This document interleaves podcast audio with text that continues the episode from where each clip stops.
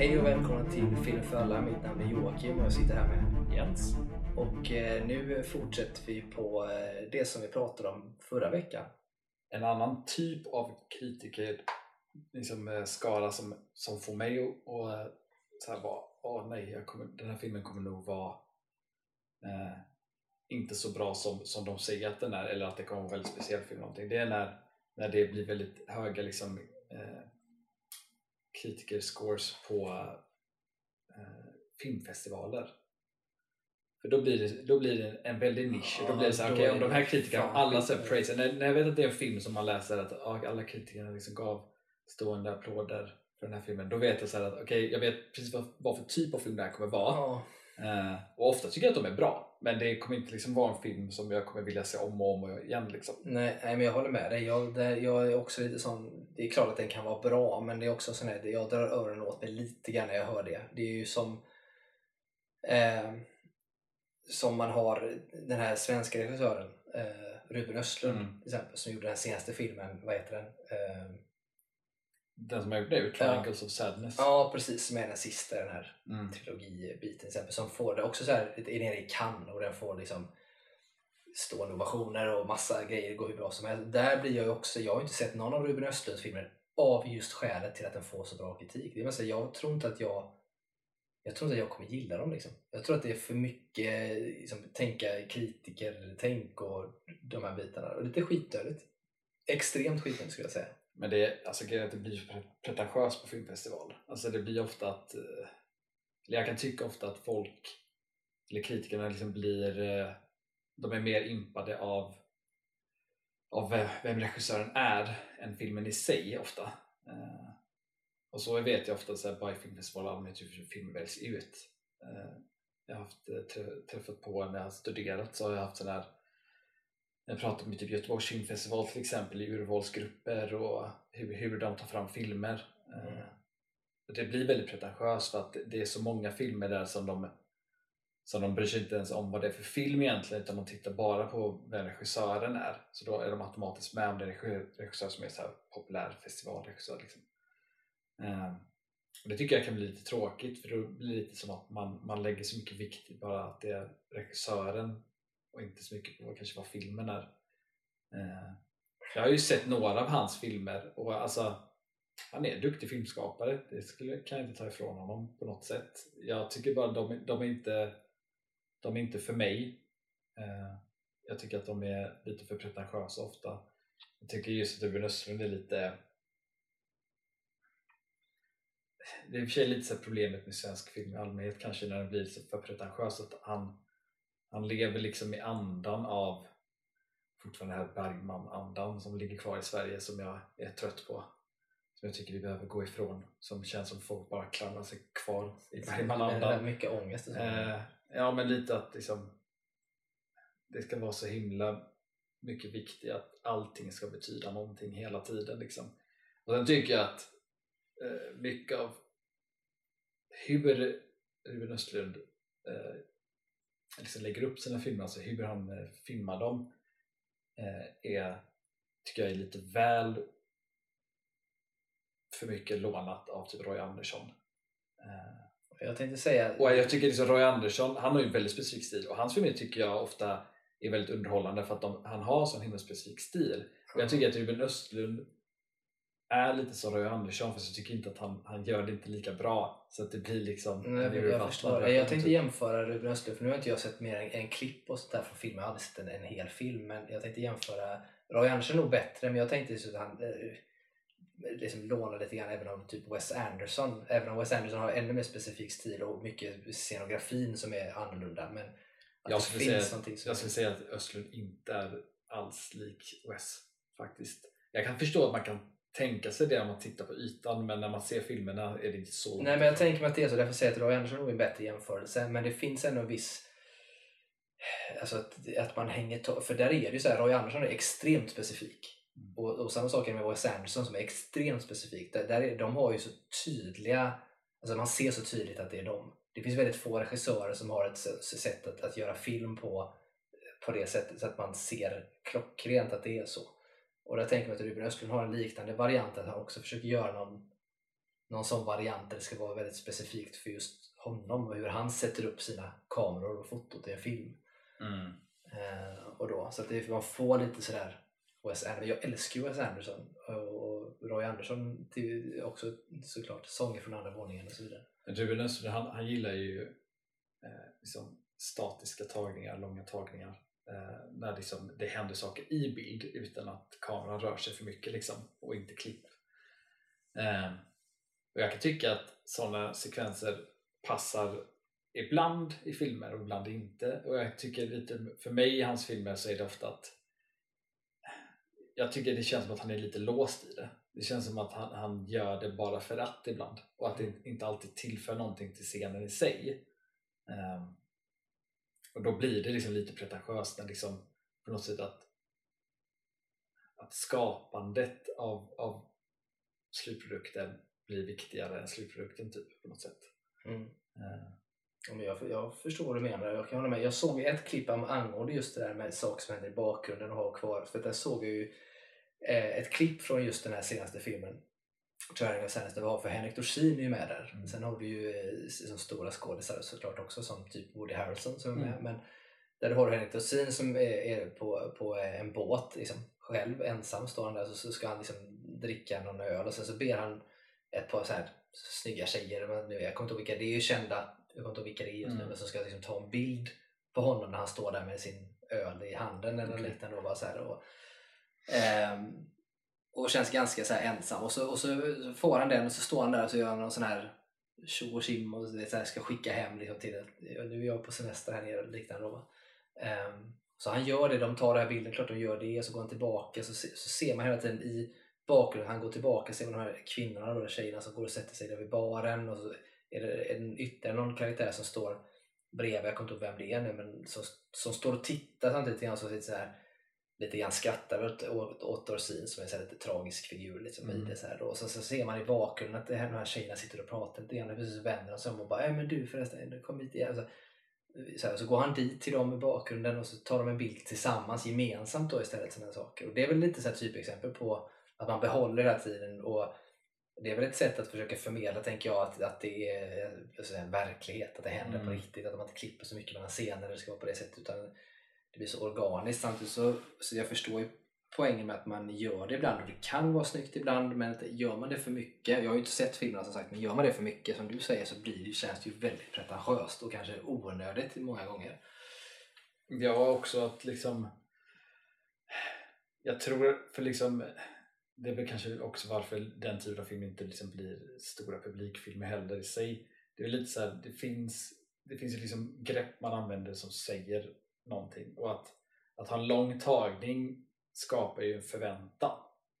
Eh, och har man bara långa tagningar i alla, att alla scener är bara en tagning så skapar det liksom en förväntan i alla, alla scener och att alla scener kanske inte liksom har, har en klimax på det sättet som den förväntan skapar av det. Eh, för ibland är det ju bara så poängen att de har en tagning för att ja, det ska kännas mer som att man observerar verklighet. Liksom, mm. sätt. Och då, då, får du ju inte den utlösningen av, av en scen om det ska vara verklighet för att man vill fånga något. Liksom. Eh, så att det, det, kan liksom det är lite som att man kan skjuta sig själv lite i foten om man bara gör det. Mm.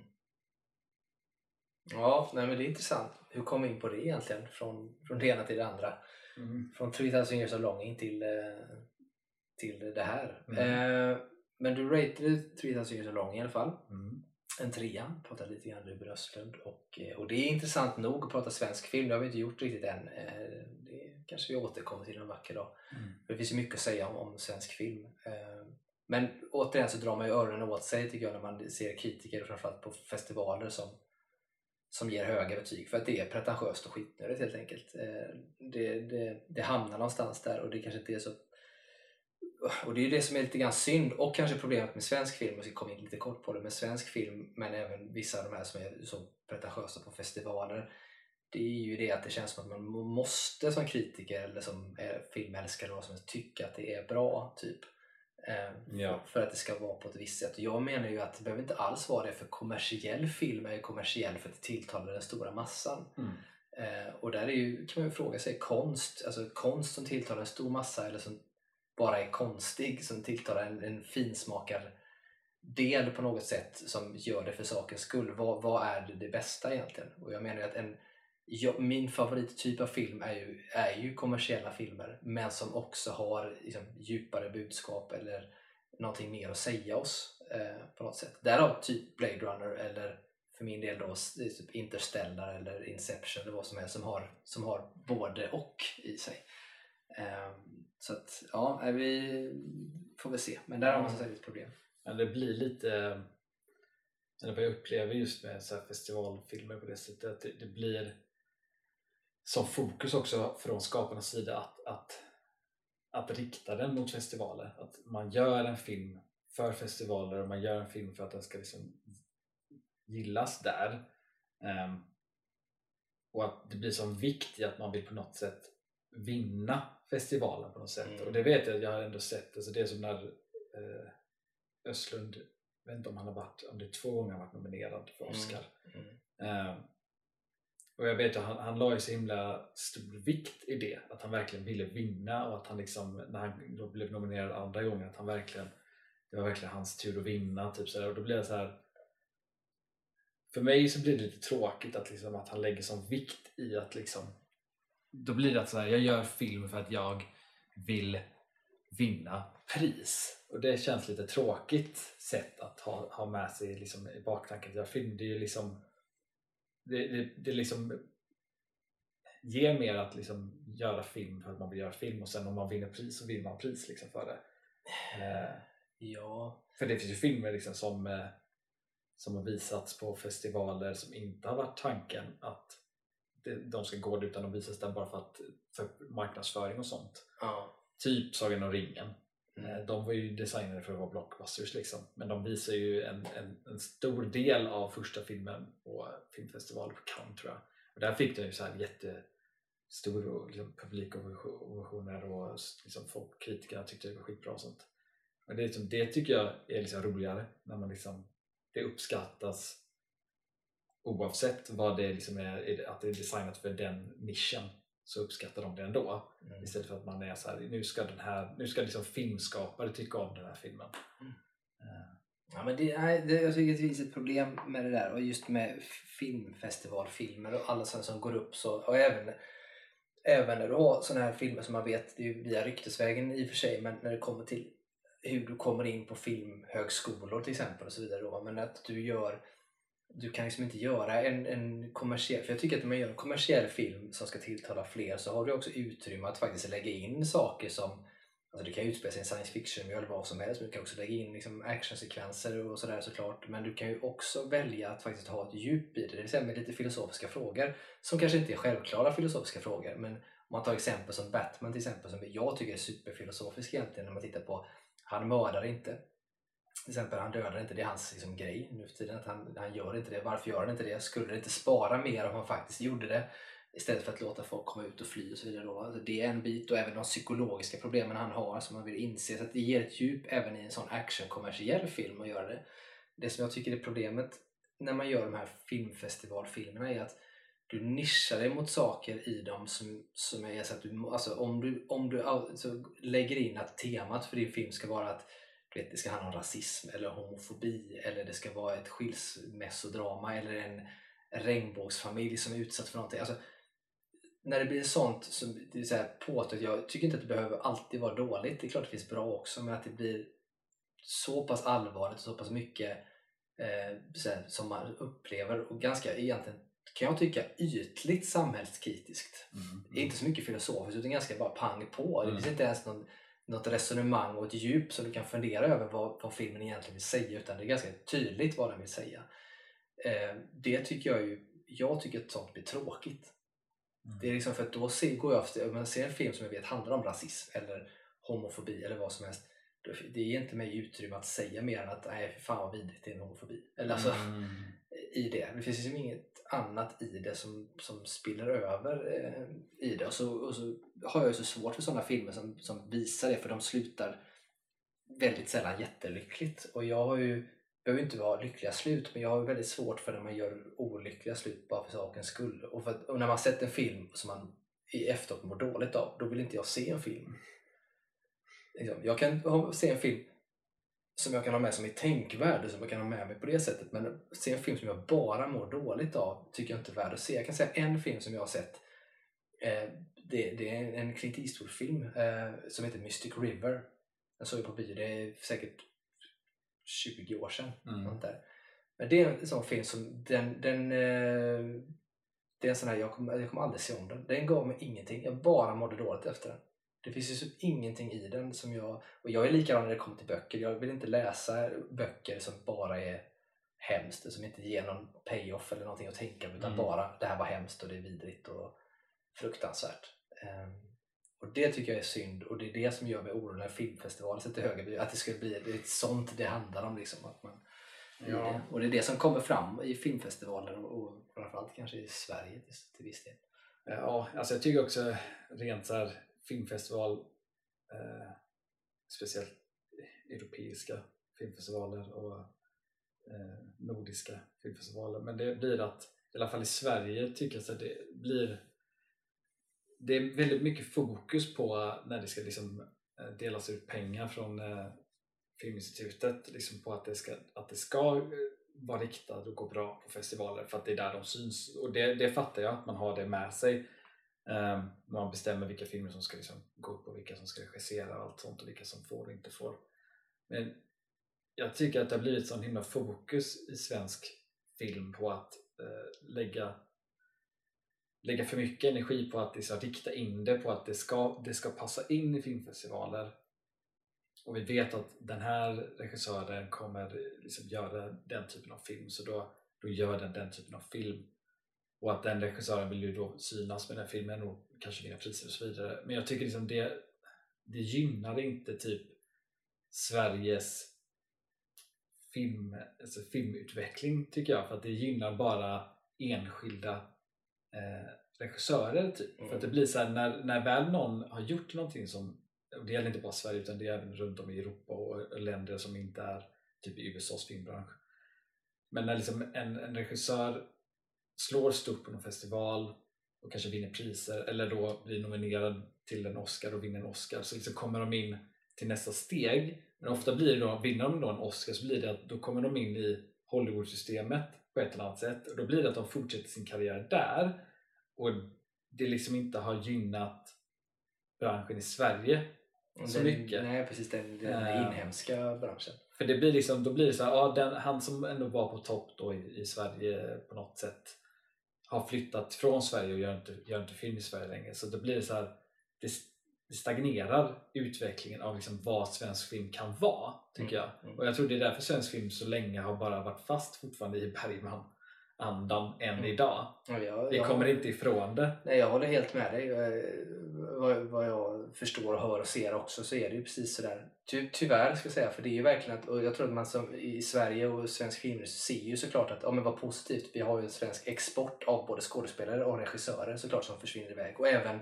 filmfotografer och så vidare. Men, men vi har regissörer och sånt där som försvinner iväg till till andra och då ser man det är ju positivt. Då har man en filmexport och de kommer fram med de här lite svårare filmerna. Men det intressanta är sen när de väl hamnar i Hollywood, vad gör de då? Då är det inte svåra filmer längre. Då gör de ju såna här som man egentligen skulle vi kanske vilja göra från början. Eh, så här egentligen. Jag menar, du har ju flera som har gjort så här superhjältefilmer och liksom actionrullar och sådana bitar. Och, och det är ju, jag menar ju att jag hade ju velat se inte att man, behåller, alltså inte att man behåller dem, men däremot så hade de gärna fått komma tillbaka ändå och göra liksom svenska blockbusters istället. Eller, Ja, men alltså, eller jag låta tycker, utvecklingen gå ifrån, som du säger, då, Bergman. Ja, men det hade varit liksom intressant och jag vet att alltså, filmindustrin har ju haft problem med det länge i Sverige med att, att liksom, med kommersiell film i allmänhet att det är liksom det är många som vill att det ska bli mer kommersiellt och sen finns det där, de som inte vill det och sen att det ska vara konstnärligt och man ska liksom inte allt sånt, massa drama kring det i industrin men att liksom jag, jag tror inte att det behöver vara antingen eller jag, det hade varit mer intressant om man liksom kunde få de här toppregissörerna i Sveriges toppfilmskapare vet, att, liksom, att de, att de liksom lägger lite fokus på att faktiskt försöka liksom utöka och bygga upp någon form av liksom kommersiell film som går runt. För alla i filmindustrin i Sverige klagar hela tiden på att det inte finns tillräckligt mycket pengar. Mm. Eh, och att det inte finns tillräckligt stor publik här och sånt. Men det, Visst, vi är ju färre såklart och sånt, men jag tror liksom om man fokuserar på att kanske göra lite mer kommersiellt och inte bara göra samma typ av kommersiellt, för när det väl är det i Sverige så är det ju alltid en viss typ viss typ av film, typ julfilmer, de går rätt bra i Sverige eh, på bio. Men det är samtidigt så här, inte, det är alltid det i så fall. Eller att vi säljer ut liksom Beck-filmer och sånt i Tyskland. Eh, jag, Men- tror, jag tror att det finns, liksom, det finns tillfälle att liksom utveckla vad svensk film kan vara. Eh, Gud, och ja. det läggs inte tid på det. För det, jag tycker han David eh, Sandgren. eh, David F Sandberg eller vad han heter. Ja, sam, ja just det. Eh, Som, som gör som, Shazam. som gör Shazam ja. Han är ju han var, gjorde ju kortfilmer och sånt där och, och liksom blev ju då, han hade ju bara det här flytet att synas på Mm. dels Youtube och festivaler och sånt där och sen hamnade han i Hollywood.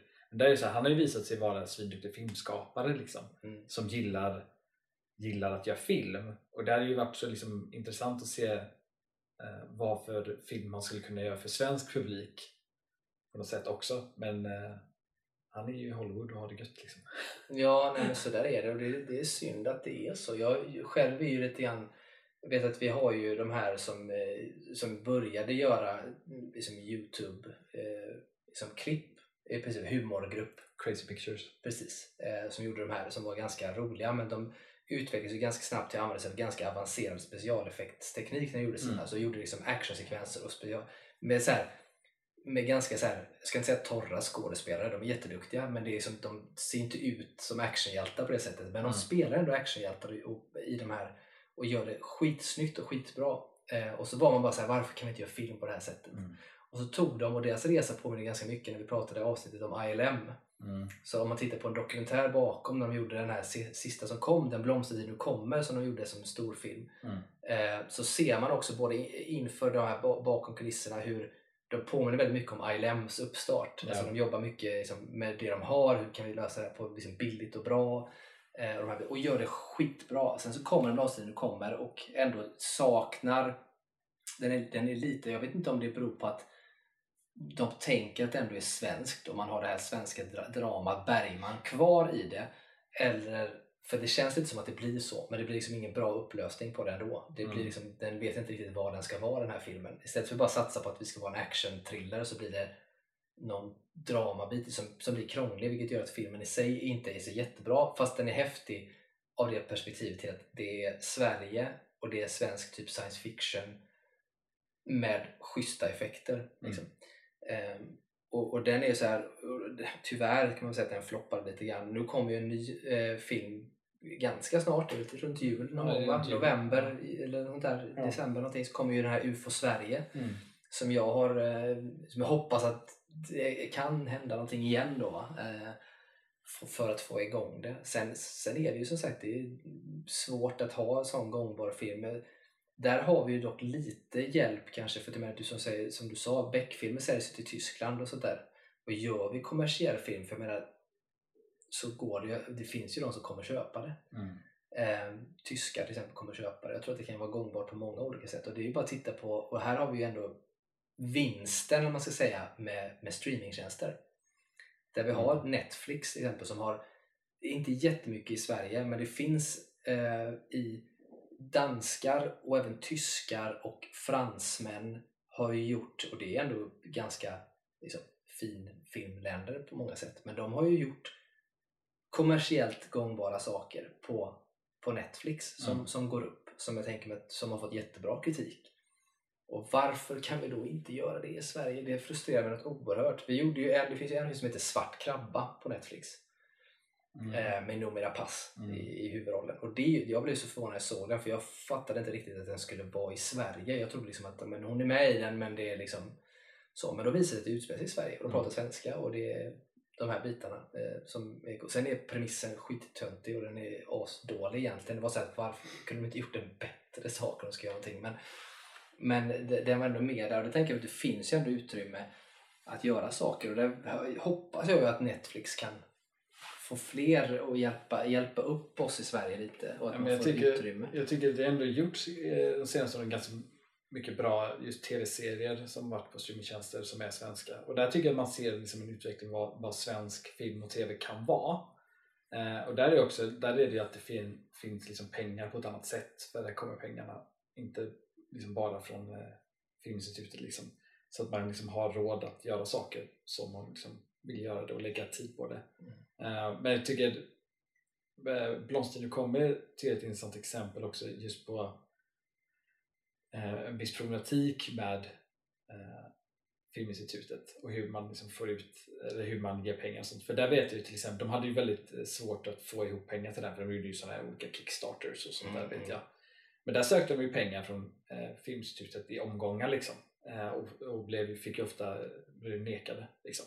Eh, vilket är såhär, okej det är för att, för att det finns checklistor i Filminstitutet vad man behöver liksom checka ut. För det har jag hört, här, vilket också är tråkigt, jag har liksom träffat producenter som vet eh, hur de kan få pengar till en film genom att vad de behöver få ikryssat i de här grejerna. Liksom, så att de vet okej okay, vi har den här filmen men det här saknas. Skriva om lite här så är det större chans att vi får pengar från Filminstitutet. Sånt tycker jag är jättetråkigt. Det blir så politiskt. Ja, jag tror att vi har ju ganska, jag ska säga att vi har en ganska liten nischad grupp, bland annat de här som sitter kanske uppe på Filminstitutet, men även i svensk, svensk kultur överhuvudtaget så har vi en ganska liten grupp som styr och ställer kring all kultur som är den här, de anser då ska vara finkultur och kultur på riktigt. Då, va? Och det ju, håller ju tillbaka oss skulle jag säga. Jag tycker att det är tråkigt att vi inte kan vara, jag menar, jag vet, jag vet, jag vet att man tänker nog historiskt och har säkert jättemycket tankar bakåt på att vi ska behålla en viss status som filmland och du vet, vi ska göra de här lite svåra Bergmans anda och så vidare. Då, va?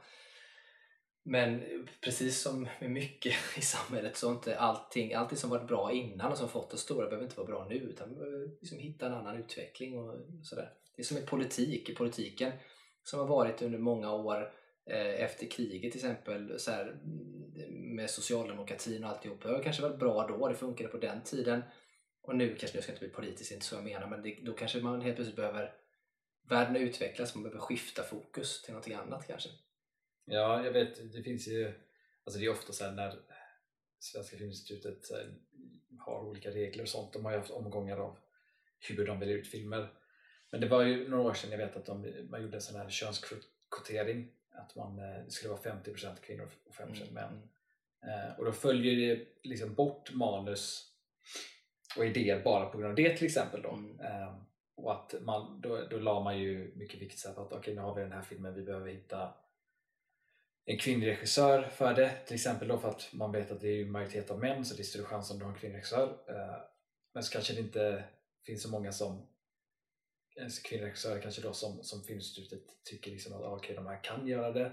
Så det blir som det blev som de sköt sig lite i foten med det för att det var en bra tanke och en bra idé men de tog ju bort det sen eh, rätt nyligen för att det var också många i filmindustrin som liksom märkte att det var väldigt liksom, bra berättelser som inte gjordes på grund av att politiska skäl. Liksom.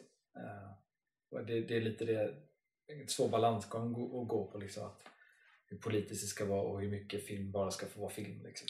Ja, jag håller med. Jag personligen är ju, det är ju politiskt ställningstagande. Jag är emot könskvotering. Eh, det gillar ju inte jag egentligen på det sättet. Och just när det kommer till könskvotering i det här skedet och även i andra skeden är ju att man man jobbar ju då med top-down, vilket jag tycker är lite konstigt. Det man kan göra, som man kanske bör uppmuntra, är att man tidigare skede uppmuntrar liksom unga tjejer och kvinnor att, att söka sig in och, och hålla på med detta på ett helt annat sätt och uppmuntra. För att senare, för då kommer då spelar det ingen roll vilket kön du är, det är bara att du blir bra. Egentligen, och så där, där kommer man. Sen förstår jag ibland att man gör så för att man behöver ta ett steg fram och så vidare. Då, va? Men man kanske får ha eh, lite mer research kring det först och sen titta över, har vi möjligheten att göra 50-50 överhuvudtaget? Eller kanske vi sätta ett mindre, i så fall om man ska ha kvotering, sätta ett, ett litet mindre mål till att börja med så att man inte då förlorar de här berättelserna.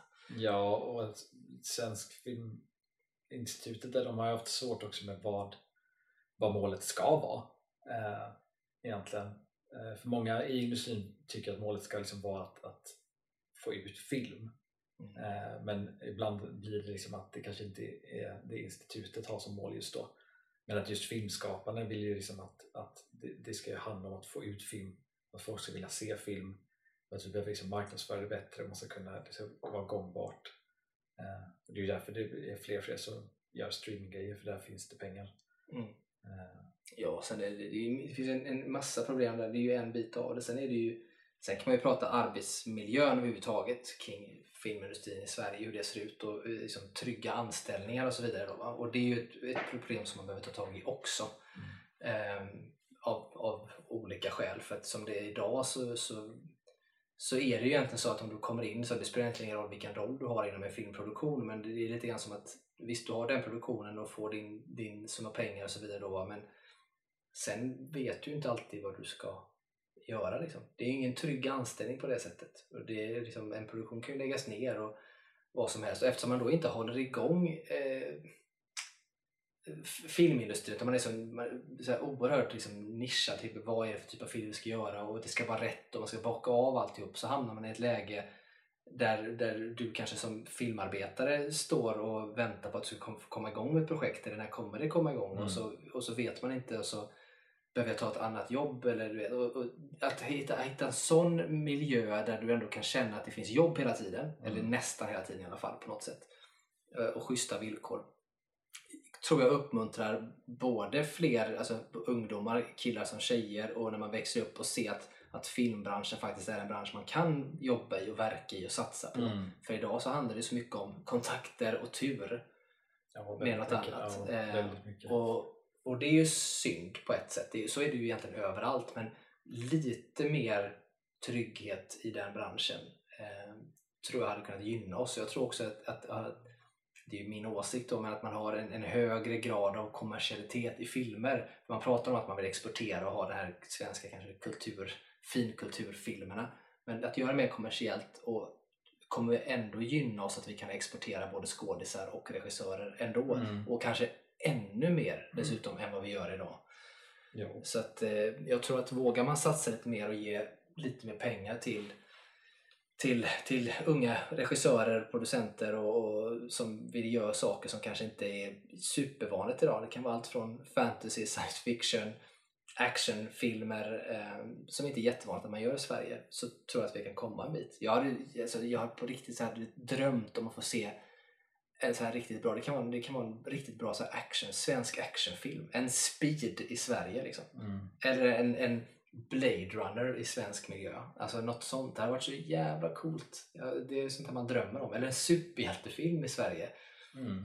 Det gjorde man ju alltså ett försök till många år sedan eh, med, vad heter hon, eh, Eva Röse och Erik Eriksson. Jag kommer inte ihåg vad den heter. Den gick på bio och den floppade också. Men det var ju någon form av sån variant. Jag kommer inte ihåg vad den hette. Men eh, det är ju säkert 25, 20, 25 år sedan kanske. Sånt där. Um, det var ju inte riktigt superhjälte på det sättet men det var ändå lite sådana inslag kan man säga. En blandning mellan superhjältefilm och Matrix. Mm. um, men den var ju inte, den var ju så inte bra. Så. Men jag, jag hade velat se mer, mer sånt. Det hade, varit, eh, det hade varit coolt att se. Ja, alltså, verkligen. Alltså, det känns som att eh, svensk filmindustri behöver eh, för det är ofta man läser gör undersökningar och sånt här, så varför filmer inte går bra och sånt och så står alltid folk och aldrig har svar på det i Sverige. Det är alltid så här, varför går det inte bra för svensk film? Men vi vet inte riktigt. Är, så, så tycker jag det upplevs hela tiden av folk i industrin, liksom, pratar med människor. Uh, ja, nej, och man kanske behöver lägga lite mer energi på att försöka hitta var, varför. Ja. Jag tror att man tänker, det är precis samma sak som återigen inom politik eller vad som helst, jag tror att man tänker lite kortsiktigt i Sverige ibland. För att tänkte att ah, men det är inte igång, men vi kan inte lägga, liksom, göra en action så där. det kommer inte att gå bra, det kommer inte gynna. Och eh, jag tänker mig att man kanske behöver lägga, göra mer kommersiell film och göra det med ganska hög kvalitet och bra under, under några års tid för att det sen ska rulla igång. För man får nästan räkna med att de första som, är som kommer ut kanske ja. inte kommer att bli så här, supersäljande på något ja. sätt. Men däremot så kan det vara så att om man gör det med bra kvalitet, några stycken, och man märker att fan, så börjar få prata om det, fan de var inte så dåliga, de var rätt bra. Så helt plötsligt så kommer det där komma och så att folk går på bio eller ja. liksom köper det på något sätt. Då, så det gäller att tänka mer långsiktigt. Det är precis som inom politik, att folk är så kortsiktigt tänkande. Man behöver tänka mer långsiktigt och se att det kommer ge payoff sen. Eh, ja. också. Så att, eh, nej, vi har, vi har en bit kvar att gå där kan man säga. Det är också så här en eh, så himla konstigt sätt när det gäller så här, jag vet eh, när ja, det är olika liksom, bidrag som ska ut och sånt. Så är det så här när man ansöker då så är det kanske ett produktionsbolag som ansöker. Och så kan det stå med ibland så här då att eh, för att kunna liksom söka där så behöver regissören ha gjort eh, två liksom, eh, det är olika hur det beskrivs men typ två långfilmer kanske då. Eller gångbart gångbara långfilmer eller populära långfilmer, olika sätt att förklara på. Eh, och det är så här, det konstiga för det så här, hur, hur kommer man in då? Alltså hur ska du, du får inte stöd om du inte gjort två långfilmer men hur, får du, hur, ska du liksom, hur ska du få stödet då om du inte kan få göra första gången?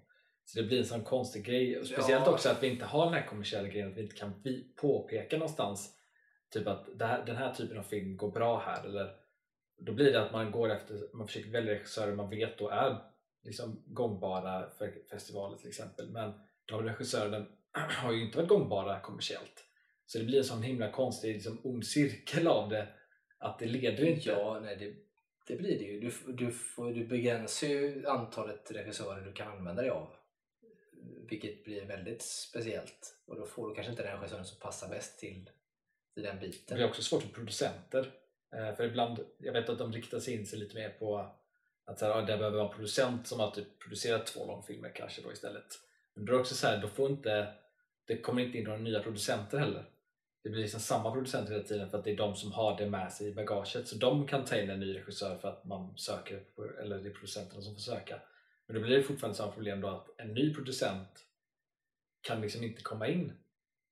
För att de får inte göra första filmen. Alltså, Nej, nej. Och det enda sättet för dem att göra första filmen är genom att liksom göra det gratis. Och det tycker jag liksom är, det är ett fult sätt att göra det på. Liksom. Ja, ja, återigen då är vi inne på det arbetsmiljöfrågorna liksom, i princip som inte är bra. Men här, det finns ju ändå, jag tänker att det kanske du har mer koll på, men jag tänker att det finns ju ändå, vi har ju Svenska Filminstitut såklart och de här, men vi har ju också då eh, produktionsbolag i Sverige, alltså filmproduktionsbolag, alltså, som till exempel eh, Ba- Väst. Baluba eller Film i Väst eller FLX. Yellowbird, FLX. Eh, som är sådana här till exempel. Och vad, där tänker jag lite grann, du kanske har mer koll på det, men hur är deras hur, hur ser deras ut? För de gör ju ändå lite mer kommersiella saker, men hur Mm. ser deras liksom, procedur ut? Och hur är möjligheten för en ung filmskapare, oavsett om du är regissör, eller producent eller vill det, liksom, vad ser möjligheten ut för att starta ett produktionsbolag och få liksom, kapital till det och kunna göra, liksom, ta tag i det själv? Så, som George Lucas bara, jag gör ett eget bolag, jag gör Star Wars. Vad, finns, vad kan man göra idag som svensk, liksom,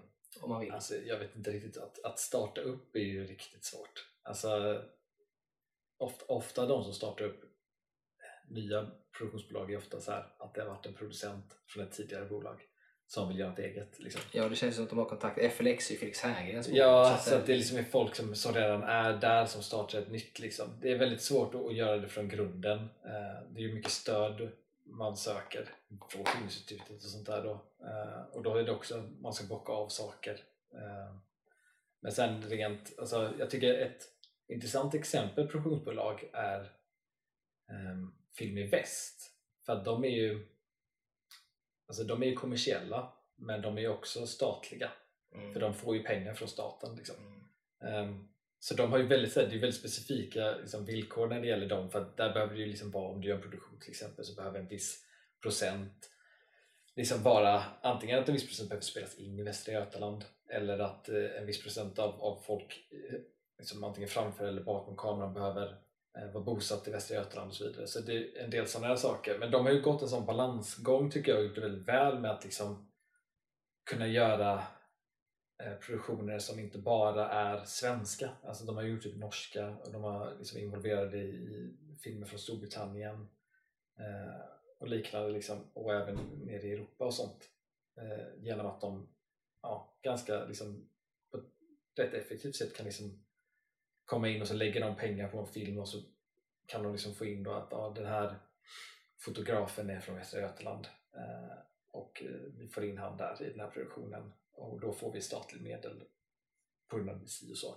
Så de, de tjänar ju pengar också, för vissa produktionsbolag går ju bara runt liksom på statligt typ. Alltså det, det är där det går, det går liksom bara runt och inte blir så mycket man tjänar inte så mycket på det. Men just Filminvest, de får ändå in och lägger tillbaka det in i sin nya produktion. Så Filminvest har ändå en, en ganska bra, liksom att de kan göra de kan välja lite mer på vad de vill göra. De vet så att okay, här, har vi en, här går vi in i något lite mer kommersiellt som vi vet kommer köpas upp av andra länder Mm. och då kommer vi tjäna på det och då kan vi lägga de här pengarna på att eh, göra någon form av ansökning då vill vi få fram andra filmskapare och sånt för de gör sådana grejer att ja, typ kortfilmsgrejer man kan ansöka och de är ganska duktiga på att vara ute på festivaler och försöka leta upp regissörer som har gjort kortfilmer liksom, och typ vad som är intressant och vad som Mm. kan funka och sånt. Eh, det är bara att det, för mig är det lite kruxigt eftersom att de lever i båda världarna så det är lite Mm. så här svårt. Men eh, Jag tänker som ung filmskapare då, så jag vet inte hur jag själv hade gjort men jag tänker så att du har ändå, du har Netflix, du har ja, Disney kanske inte så mycket att räkna med, men du har Netflix, du har liksom Amazon, du har till viss del eh, HBO, du har alla de här bitarna. Jag tänker mig att man, kan man inte liksom ligga på dem om att få förverkliga sin idé? Liksom? Det är klart att du, liksom, du kanske inte har så mycket att visa upp egentligen. Eh, de, kommer, de kommer inte bry sig överhuvudtaget om du inte har någonting mer bakom dig.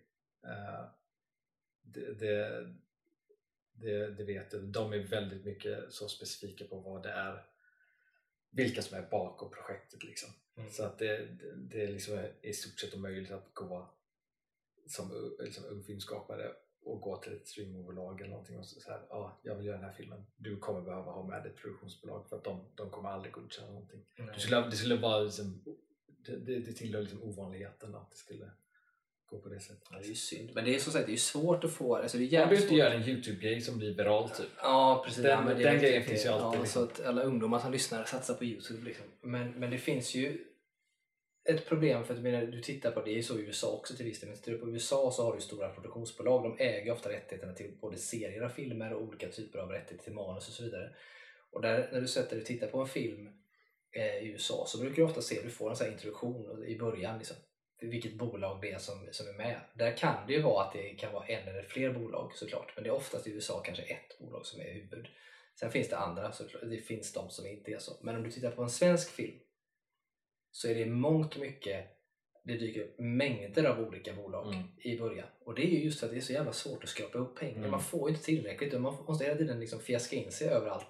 Och det finns ju ganska roliga exempel på när man tittar på Eh, jag vet inte hur det är idag, för jag har inte sett de senaste Beck och tänkt så mycket på det. Men om man tittar tillbaka på Beck för 20 år sedan ungefär, där, när man började göra de här med Persbrandt och, och, och, Haber när han började gå. Där, där ser man ju tydligt att det är ju Dels är det svenskt men det är också eh, Canal Plus eh, som är liksom internationellt eh, och sen har du ju då eh, Eh, det är något tyskt också som är med. Vilket leder till att det tyska, det är ju en tysk skådespelare med. Liksom, det blir liksom dealat den tyska, så han är ju dubbad där på göteborgska vilket är jätteroligt.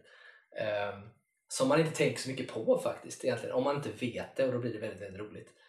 Um, men så har det varit och Beckfilm har ju varit så innan också. Eh, även under Gösta Ekmans tid så vet jag att de hade eh, spons av tysk filmindustri. Där du bland annat hade de här, om det var båda eller om det var en från det här bandet Modern Talking som var med i filmerna. Eh, som, som spelade någon form av, jag kommer inte ihåg vad det var för karaktär, men det, det, de var med i alla fall. Eh, eller han.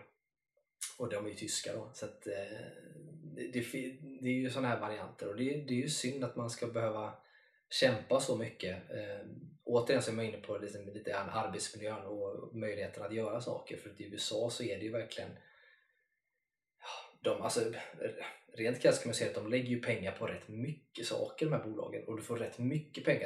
Och Det är ju en struntsumma för dem att slänga ut så här 20 miljoner på någonting som de kanske tror kan gå. Mm. Det gör vi ju lätt. I Sverige att du skulle få 20 miljoner, du skulle kunna göra så jävla mycket för 20 miljoner i Sverige. Här, men det, det får man liksom inte ihop. Utan man måste hela tiden plocka av olika produktionsbolag som ska vara med och ha det här. Och med olika produktionsbolag kommer också olika ställningstaganden. De kommer vilja ha vissa saker av dig som du ska jobba in eller få in i din film. Allt från skådespelare som kanske ska vara med till vissa saker i manus som behöver ändras, vart det ska utspela sig, byta ut eh, en stad eller plats mot någon annan. Det kan vara allt möjligt där i. Eh, sen finns det ju film, där gjorde han den här dokumentären om han gjorde en dokumentär om filmspons eh, med bara eh, reklam.